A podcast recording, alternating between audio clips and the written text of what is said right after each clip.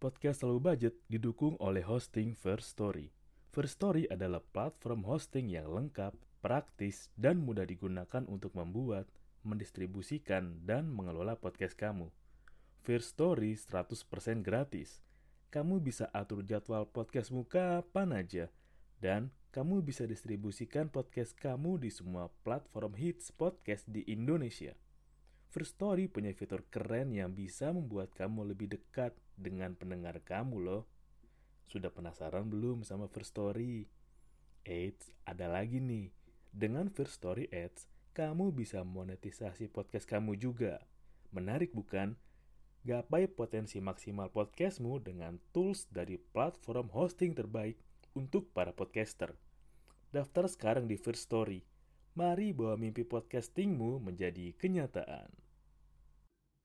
Buat para pengusaha warteg yang dengan kita cuma bawa uang 10 ribu tapi udah bisa dapat dua lauk dan minum teh tawar anget, terima kasih telah mengisi hari-hari kami. You are my hero. Selamat datang di Siniar Low Budget, nggak harus mahal untuk nikmatin hidup barengan gua, Doni Wijaksono. Gue juga punya info penting buat lo, para pemuda asik penggemar telur-telur. Sekarang harga telur udah nggak segila akhir tahun kemarin ya. Kalau akhir tahun kemarin harga telur menyentuh angka 32.000 sampai banget 32.000 atau gue nggak tahu sih ada yang lebih apa enggak. Sekarang harga telur udah turun jauh banget sih, ya sekitar 23.000 sampai 25.000 lah. Dan gue ngerasain sendiri gimana 32.000 buat beli telur tuh berasa banget. Kalau buat orang lain yang biasa pesan-pesan makanan lucu, GrabFood atau GoFoodin makanan lucu, 32.000 mah ya nggak ada apa-apanya kayak oh kecil. Tapi buat kita nih masyarakat low budget, 32.000 udah bisa dapet makanan yang wow. Kayak lu bayangin, gue beli telur 32.000 itu kalau buat gue cukur rambut udah bisa dapat dua kali cukur itu juga udah dapat dengan potongan diskon Shopee Pay kayak lu bayangin 32 ribu kayak datang gue datang gitu kan rambut gue udah panjang gue cukur bang potong ini dong bang nomor 3 dari top 20 collection bang cukur set set set set, set. terus nunggu lagi gitu kan uh nunggu lagi sebulan dua bulan datang lagi bang cukur lagi dong bang gaya Karim Benzema cukur lagi. Selama itu men, 32 ribu bisa buat dua kali cukur. Dan saat senior ini dibuat, kita juga tahu bagaimana harga minyak itu juga lagi tinggi-tingginya. Kayak buat emak-emak, buat ibu-ibu, buat para mbak-mbak kantin, ibu-ibu kantin, pasti ngaruh banget nih. Dan buat para abang gorengan, lu tau gak sih katanya tuh harga gorengan bakal mengalami inflasi bisa sampai 2000 per pieces. Wah gila banget men, 2000 per pieces. Lu bayangin beli bang, beli gorengan nih bang. Gocengnya, iya, dikasih dua. Misal lu beli gorengan gocengnya bakwan dikasih dua, mana banyakan tepung sama mecinnya doang lagi, kagak ada sayuran nih. Kan gue sering tuh, beli gorengan kan, wih, ngincer bakwan, pengen dapatnya crispy, dapatnya gumpalan tepung sama mecin doang. Kenyang kagak, Puyeng iya. Pas dapet enak-enak nih, dapet dua doang. Harga naik mas. Bah. Ujungnya yang siapa? Ya kita lagi. Dan ditambah lagi kalau emang lu sempat baca berita nih, yang lagi hangat lah. Hangat-hangat cuaca matahari sekarang. Kemarin udah sempet rame, ya perdebatan sengit lah antara gubernur kita dengan ibu menteri ketenagakerjaan kita soal Lo tahu soal apa? Ya soal naiknya UMR. Gue kemarin sempat baca sekilas lah bahwa UMR 2022 naik. Wih, seneng dong. Wih, naik. Satu persen. Satu persen. Dan setelah dikalkulasi menggunakan rumus-rumus yang lebih rumit dari kalkulator, satu persen kurang lebih setara dengan 12 ribu.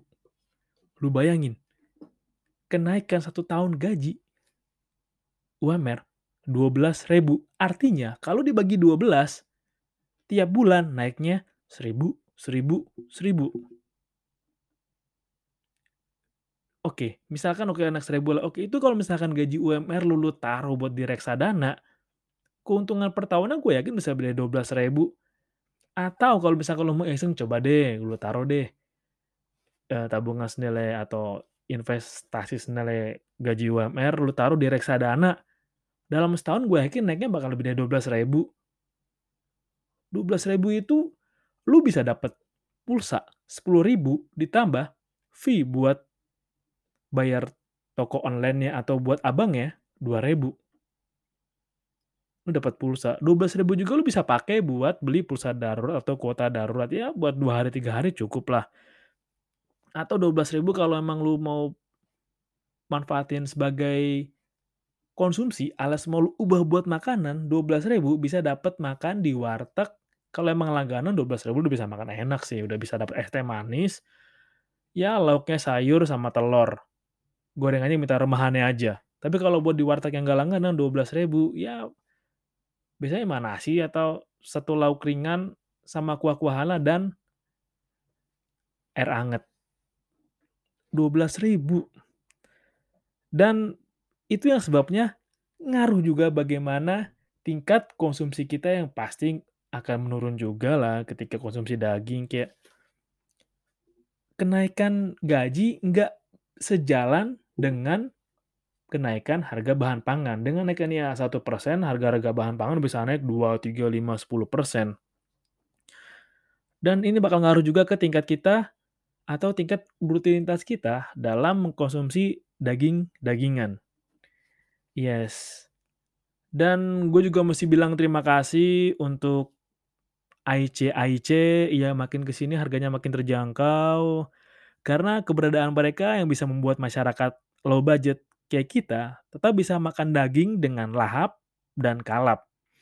Ya walaupun habis makan daging banyak sih rasanya ya kepala kadang berat, kadang kaki udah mulai kebas, ya kadang-kadang tiba-tiba mules, tapi seenggaknya kebutuhan kita akan protein hewani terpenuhi dalam sebulan sekali berkat AIC-AIC. Terima kasih AIC. I love you. Dan semoga para mafia daging nggak mendengar siniar ini ya. Dan juga naiknya gaji yang banyak banget itu pasti juga bakal ngaruh ke akomodasi transport. Iya, transport kayak lo tahu sendiri kan bagaimana pemerintah sangat merencanakan dan menyusun agenda yang sebaik mungkin, yang sematang mungkin, yang perhitungannya sebaik mungkin, yang mengagendakan untuk menghapus premium dan pertalite. Kayak lu bayangin deh seandainya emang premium dan pertalite dihapus dan adanya Pertamax doang. Jadi misalkan biasanya lu naik angkot gitu kan yang minimal sekali jalan Rp2.000 atau Rp3.000 deh, gue juga nggak tahu, gue ngasal aja sih. Tiba-tiba nanti ketika itu dihapus, sekali jalan naik angkot bisa sampai Rp10.000. Lah rugi kita dong tukar bandar. Daripada sekali jalan naik angkot Rp10.000, ya lebih baik gue belain nabung beli sepeda. Atau ya gue bela-belain nabung beli sepeda listrik lah yang nggak ada suaranya itu, yang sepeda listrik itu bisa ada suaranya kalau kena polisi tidur atau jatuh nabrak. Hmm, jangan-jangan ada udang di balik bakwan. Mengapa pertalite dan premium ingin dihapuskan? Apakah mungkin kita akan dibiasakan menggunakan sepeda listrik? Hmm, konspirasi sekali. Dan gue punya tips bagaimana caranya kita bisa tetap makan enak dengan normal dan ya kita bisa makan enak tanpa ada apa-apa, tanpa semuanya baik-baik saja, tidak ada yang terjadi dengan normal. Walaupun lama-lama kenaikan harga pun akan tinggi dan harga-harga juga akan pelan-pelan naik. Tips yang pertama, ketika lo ingin berusaha makan enak dengan budget seadanya, coba untuk geser mindset lo dengan cari menu yang bikin lo kenyang walau lidah lo nggak akrab. Ya ngikutin kemauan lidah sih emang nggak pernah ada habisnya kayak ya elah pasti lidah ada BM-nya deh, BM ini, BM itu, mau ini, mau itu. Ya ngikutin kemauan lidah emang kadang nggak bisa bikin kenyang. Kalau kenyang juga sebentar, entar juga lapar lagi. Makanya cari lauk yang bikin lu kenyang, yang beneran kenyang ya walaupun kadang lidah lu suka nggak welcome sih. Karena gue juga inget pepatah dari Rumania yang bilang, ya makanan yang sehat biasanya adalah makanan yang tidak kita sukai. Atau sesuatu yang sehat biasanya adalah sesuatu yang kita tidak suka untuk makan atau lakukan. Tips yang kedua. Tips bagaimana cara lu untuk bisa makan enak meski keadaan keuangan lu pas-pasan dan meski lu keadaan lu sangat terdesak. Tips kedua agar bisa tetap makan enak dengan budget seadanya adalah ini caranya nggak butuh usaha sih. Kayak cara ini butuh mem sedikit berjuang dan sedikit mau ngakal-ngakalin lah dengan situasi yang ada supaya tujuan lu bisa tercapai. Yaitu coba akrabin diri lu sama mbak warteg. Iya, lu nggak salah denger. Lu coba akrabin diri lu sama mbak warteg. Ya lu boleh dengan tebar pesona yang senyum-senyum, ramah, ajak ngobrol, atau lu tiba-tiba kirim, "Nih Mbak, aku punya kopi lucu buat kamu nih, kamu mau nggak?" Atau sekedar kasih gift-gift lucu lah, kayak boneka-boneka teddy, atau coklat Silver Queen. Ya banyak cara lah gimana caranya lu bisa deket sama mbak warteg, yang menurut gue, gue percaya sih tips ini bisa membantu ya ketika lagi mesen kayak dengan mbak langganan kayak, eee, "Mbak, biasanya ya Mbak, tempe orek sama kerang," ya biasanya tempe orek 3 sendok, karena udah akrab ya 3,5 sendok, 4 sendok, lumayan kan nambah dikit seenggaknya nambah sedikit asupan yang bisa lu makan. Coba deh. Dan yang terakhir yang ini jarang terjadi, tapi kalau seandainya bisa lu lakuin, selamat men. Ini ngebantu banget untuk lu bisa tetap makan enak walau budget lu sangat mepet. Yaitu lu daftar jadi member di warteg. Ya member ini secara nggak langsung bukan yang lu punya kartu membernya kayak, "Woi, member warteg Karisma Laut." Atau misalkan member warteg Bahagia Jaya, yang bukan kartu secara beneran kartu, tapi emang lu udah jadi akamsi situ yang banyak dikenal sama warga situ, yang ini tahapan lanjut dari yang akrabin diri. Setelah akrab diri sama Mbaknya ya, coba akrab sama bapaknya punya warteg lah, sama yang abang-abang becak di situ lah, atau orang-orang suka makan di situ lah. Ya daftar jadi member akamsi di sana lah. Karena emang kalau jadi akamsi itu kayak kalau dikenal kayak, ya lu pasti suka diberi, "Udah nggak apa-apa lebih aja nih buat ini nih." Misalkan buat si anu buat makan ya, karena emang dari kemarin kerjaannya kok capek banget nih, lebih ini, aku lebihin buat kamu nih. Nggak apa-apa lah, kayaknya kamu kerjaannya banyak deh. Gila kan kalau misalnya daftar jadi member banyak banget keuntungannya. Salah satunya ya selain lu juga udah akrab sama mbak wartegnya juga lu bisa dapet tambahan kayak, "Udah aku gratis ini tempe goreng 1, aku gratis ini bakwan 1." Beh, ngebantu banget, guys. Lu juga mesti coba tuh. Dan ada lagi sih, cara yang mau gua kasih tahu, gimana caranya mengeluarin mengurangi pengeluaran lu yang tadinya untuk makan gitu kan kayak, "Oh gua menghabiskan beberapa rupiah lebih untuk makan." Ini bisa lu kurangi dan juga tetap ngejaga lu dalam kondisi yang sehat. Jadi ya mengurangi biaya makan dan tetap menjaga kesehatan lu juga. Ini sih tips yang mau gua bagiin. Yang pertama yang pertama tipsnya adalah cari tempat yang suka ngasih lauknya lebih, tapi harganya sama atau nggak jauh beda dari yang lain. Karena emang ada tempat-tempat yang dikenal legend atau ya sebagai urban legend atau istilahnya checkpoint-nya lah, tempat-tempat yang, wah terkenal banget nih kalau ngasih lauk nggak kira-kira, guys. Kalau gua ada sih, cuma kalau gua beda konteks. Kalau gua misal gua nasi goreng nih, ada nasi goreng yang menurut gua dengan harga ya sedikit beda 2.000, 3.000, tapi porsinya gila men. Lu kalau pernah ngebayangin nasi Padang dibungkus dengan sebanyak itu, terus itu diubah jadi nasi goreng dan dengan beragam topping, beh, kenyang banget lu sampai pagi. Gue pernah inget banget makan nasi goreng, ya sedikit yang gue bilang sedikit lebih mahal, tapi worth it banget. Gue makan jam 8 malam, nyampe jam 10 pagi gue masih kenyang. Beneran kenyang, asli. Nggak pengen makan sama sekali gue. Itu salah satu seni bagaimana caranya lu bisa makan enak. Lu harus pintar-pintar ngulik, pintar-pintar cari tahu nih kayak, hmm, di mana ya tempat-tempat hidden game itu. Kalau emang orang tahu hidden game itu cafe, uh, hidden game itu kayak kuliner enak, oh kuliner langka, legendaris, warteg juga punya hidden game kali. Emang kafe doang? Warteg juga punya. Dan di sini juga lu belajar untuk upgrade cita rasa atau sensasi dari makanan yang lo cobain.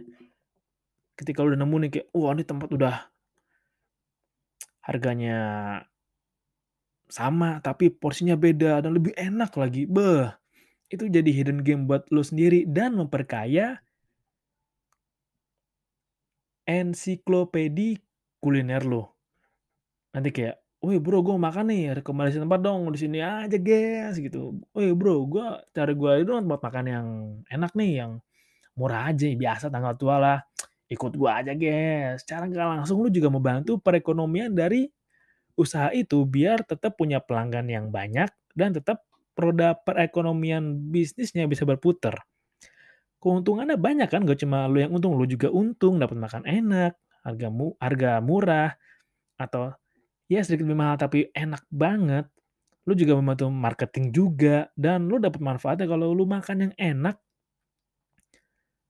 pasti lu bisa lebih bersemangat men, nggak bisa dibohongin bahwa makanan yang enak bisa bikin mood lu bagus. Itu relate deh. Kalau nggak salah itu ada penelitiannya, nanti lu cari deh kayak kalau ini penelitiannya sih soal bagaimana minuman manis atau makanan manis bisa mengubah mood seorang wanita dan menurut gue juga ngaruh juga sih. Kalau gue makan makanan enak juga gue happy banget. Bersyukur banget gue bisa makan makanan enak. Dan tips berikutnya bagaimana cara lu bisa mengurangi pengeluaran lu untuk makan, tapi sekaligus juga menjaga kesehatan lu tetap dalam kondisi yang maksimal. Tips berikutnya adalah ubah minuman lo ke teh tawar anget atau air bening anget. Tips berikutnya, ubah minuman lo ke teh tawar anget atau air bening anget. Biasanya kan kalau gua survei gitu kan kayak lembaga survei Cak Lontong, gue perhatiin bahwa orang, oh biasanya kayak habis makan gitu kan, makan makan minum es teh manis es teh manis es teh manis. Emang enak, lu nggak bisa bohongin kalau habis lu makan warteg minum es teh manis tuh enak banget, apalagi yang teh celupnya masih ada tuh. Ya setiap satu gelas dikasih satu teh celup, beh itu enak banget asli. Apalagi segar-segar, dingin-dingin gitu kan, porsinya pas kayak teh bendera tuh, beh top banget udah. Tapi karena kita seorang low budget man, kita harus bisa mengelola keuangan kita dengan baik, dengan tepat guna sasaran, TGS, asik.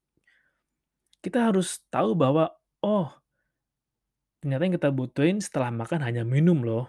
Kalau bisa emang minum air hangat atau air bening. Kenapa? Karena untuk mempermudah kinerja dari ginjal lo. Ya setelah lo makan kan, makanan masuk ke badan lu kan tubuh lu yang ngelola, yang ngolah. Lambung lu yang ngelola, yang nyalurin nutri nutrisarinya eh, nutrisari anjir, yang nyalurin intisarinya. Intisari kayak minuman apa sih? Nutrisari minuman, intisari juga minum. Ya Vitasari, Vitasari siapa ya? Kan lambung lu yang menyalurkan nutrisinya ke seluruh badan. Ginjal lu yang nyari gitu kan kayak habis makan terus minum terus ginjal lu yang nyari, nanti usus lu juga ngelola. Kalau emang lu biasa terlalu membeba membebani, B-nya banyak banget. Lu biasa membebani organ badan lu yang nanti lu malah ngantuk. Jadi jangan heran ketika lu habis makan malah ngantuk, itu karena beban dalam perut lu terlalu berlebih. Jadi mereka butuh tenaga ekstra untuk mengelola apa yang lu makan. Ketika lu mengubah apa yang lu minum dengan air bening dan teh tawar anget, itu ngebantu banget. Karena minuman anget juga manfaat buat badan lo. Ya selain tentunya mengurangi pengeluaran lo kayak, Yang mungkin tadinya biasa, oh oke lah es teh manis. Yang tadinya biasa es teh manis 3.000 atau 4.000, tiba-tiba sekarang hanya 1.000, 2.000, lu bisa hemat 1.000 kan. Itu juga ngebantu banget sih. Walaupun kecil, tapi ketika diakumulasi bisa jadi angka yang lumayan gede. Dan selain lu ubah minuman, juga lu ubah perintilannya. Jadi biasanya gue nggak bisa makan nih kalau nggak ada kriuk-kriuknya. Kayak lu tadi biasa makan dengan lu tambahin gorengannya lah, lu tambahin bakwan tahunya lah. Emang secara lidah sih enak, enak banget makan gorengan. Tapi ketika terlalu banyak di combo ya dengan nasi sekian, kayak banyakkan karbo dan ditambah gorengan, sesekali apa-apa. Tapi kalau terlalu sering yang ada malah kembali lagi badan lu terlalu banyak sumber daya yang harus diolah, didistribusikan, yang harus beh, dibuat sedemikian rupa biar penyalurannya rata dan nggak ngebebanin masing-masing organ tubuh. Dan mengurangi minyak juga penting sih karena banyak banget manfaat ketika lu pelan-pelan ngurangin konsumsi minyak dan konsumsi makanan yang terlalu berat. Berat dalam arti terlalu banyak karbo, karbo lah dan terlalu banyak variasi nggak perlu kayak penyedap rasa. Penyedap rasa oke sih, tapi yang terlalu banyak bisa bikin lidah lu keluh. Kayak kalau lu mau coba eksperimen bagaimana rasanya lidah keluh karena kebanyakan makan MSG atau micin, lu coba aja kayak lu beli Royco gitu saset, lu celup Royco-nya lu cocok-cocok, lu, lu jilat di lidah, lama-lama enak sih, enak banget. Cemilan Royco cuma kalau kelamaan kepala lu pusing itu ya pusing kayak agak kebas. Belum pernah kan ngerasain kepala kebas kan lu rasain rasanya nggak enak banget asli. Begitu juga kalau kebanyakan terlalu banyak makan, wah karbo, karbo, karbo dan terlalu banyak konsumsi MSG, yang ada malah ngebebani badan lu tadi. Dan ketika lu udah bisa ngurangin nih, walah gue ngurangin dengan minum air tawar, itu kan kayak teh tawar dan air bening, dan ngurangin juga kayak perintilan gorengan satu atau dua, itu bisa ngehemat 2000, 3000 atau bahkan 4000 sih, karena ada gorengan yang 5003 atau 5004 tergantung, itu juga bisa hemat hematnya kecil sih, tapi ketika lo coba hitung dalam hitungan tiga hari atau seminggu, lama-lama kayak, wow ternyata gede juga bisa gue hemat ya. Yang penting ada lo esisinya kenyang, kebutuhan 4 sehat 5 warak lo terpenuhi, dan dompet lo aman. Dan tips terakhir yang mau gue kasih, untuk lo gimana cara lo bisa makan enak, tapi nggak bikin kantong lo jebol dan nggak bikin keuangan lo morat-marit, coba untuk join venture lauk dengan teman lo. Subsidi silang dan saling barter atau saling mengisi lauk itu perlu ya, guna tadi menciptakan porsi 4 sehat, 5 warak. Ini juga kadang gue suka terapin kayak, lu kita combine ya, kalau misalnya gue sama temen gue, gue bawa di nasinya atau dia bawa lauknya, atau misalkan gue beli lauk yang sayuran, dia beli yang daging, kayak jadi saling tuker satu sama lain saling mengisi lah. Yang penting kebutuhan kita tercukupi dan pengeluaran kita juga bisa kelihatan. Kayak jelasin kayak misalnya, oke okay lah gue spend lebih untuk misalkan beli daging-dagingan, oke berarti gue sekitar tambah 3.000 4.000 lah. Dan kalau misalkan gue khusus buat beli sayuran, oke lah gue bisa mengurangi pengeluaran gue 2.000 3.000 lah. Jadi emang joint venture itu diperlukan dan ini adalah cara yang unik karena menunjukkan bagaimana manusia adalah makhluk sosial. Dari makan warteg aja bisa kelihatan loh bagaimana peran manusia sebagai makhluk sosial dan berusaha memenuhi kebutuhan dasarnya akan pangan. Jadi ketika lu nemuin teman untuk join venture lauk, lu pertahanin terus dan coba saling mengisi kebutuhan satu sama lain agar terjadinya simbiosis mutualisme. Iya buat yang nggak tahu artinya simbiosis mutualisme apa, coba cek lagi pelajaran IPA SD kelas 4 atau kelas 5 ya, itu ada sih. Sekian tips yang bisa gue bagiin buat lo semua. Nantikan part berikutnya ya. Kayaknya bakal ada part berikutnya deh. Iya, lo mesti ingat. Makan sampai kenyang itu bisa, pasti bisa makan kenyang dengan budget seadanya bisa banget. Asal lu tahu cukupnya semana dan caranya seperti apa. Oke, itu aja. Thank you udah dengerin dan salam low budget. Nggak harus mahal untuk nikmatin hidup. Gue pamit and see you next time.